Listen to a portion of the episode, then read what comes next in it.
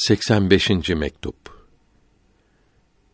Bu mektup Mirza Fetullahi Hakime yazılmıştır. Salih işleri yapmak ve namazları cemaatle kılmak lazım olduğu bildirilmektedir.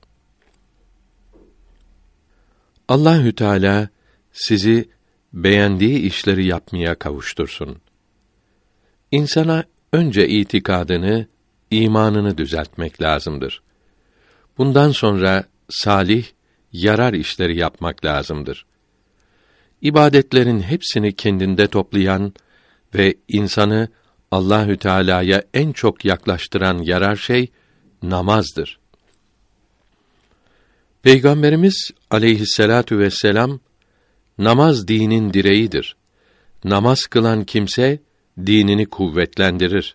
Namaz kılmayan elbette dinini yıkar buyurdu. Namazı doğru dürüst kılmakla şereflenen bir kimse çirkin, kötü şeyler yapmaktan korunmuş olur. Ankebut suresinin 45. ayetinde mealen doğru kılınan namaz insanı fahşadan ve münkerden her halde uzaklaştırır buyuruldu. İnsanı kötülüklerden uzaklaştırmayan bir namaz doğru namaz değildir.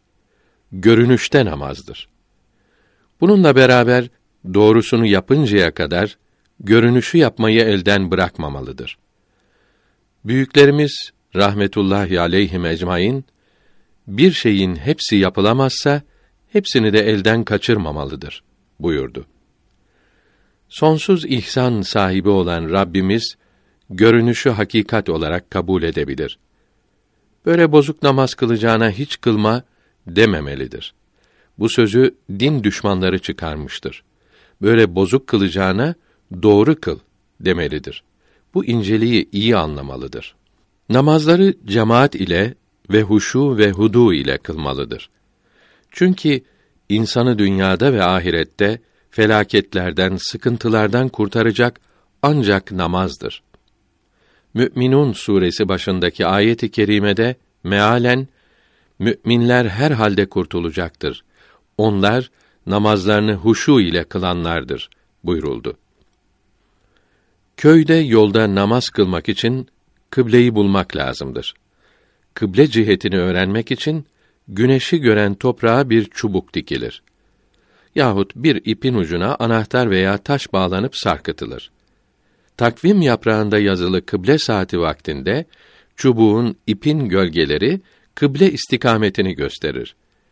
Gölgenin güneş tarafında olan ucu kıble ciheti olur. Tehlike, korku bulunan yerde yapılan ibadetin kıymeti kat kat daha çok olur. Düşman saldırdığı zaman askerin ufak bir iş görmesi pek çok kıymetli olur. Gençlerin ibadet etmeleri de bunun için daha kıymetlidir.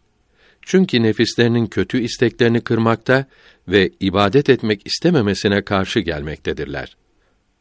Eshab-ı Kehf bir hicret yaparak din düşmanları arasından çıktıkları için şerefli oldular. Peygamberimiz aleyhi ve ala alihi selavatü ve tahiyyat bir hadisi şerifte fitnenin fesadın çoğaldığı zamanda ibadet etmek hicret ederek benim yanıma gelmek gibidir buyurdu. Görülüyor ki din düşmanlarının güçlük çıkarması ibadetlerin şerefini arttırmakta, sevabı kat kat çoğaltmaktadır. Zarar yapmak istemeleri Müslümanlar için faydalı olmaktadır. Daha ne yazayım? Oğlumuz Şeyh Behaettin Allah adamlarıyla görüşmekten sıkılıyor. Zenginlerle, dünyaya düşkün olanlarla bulunmak istiyor. Onlarla düşüp kalkmanın insanı felakete götüreceğini anlayamıyor.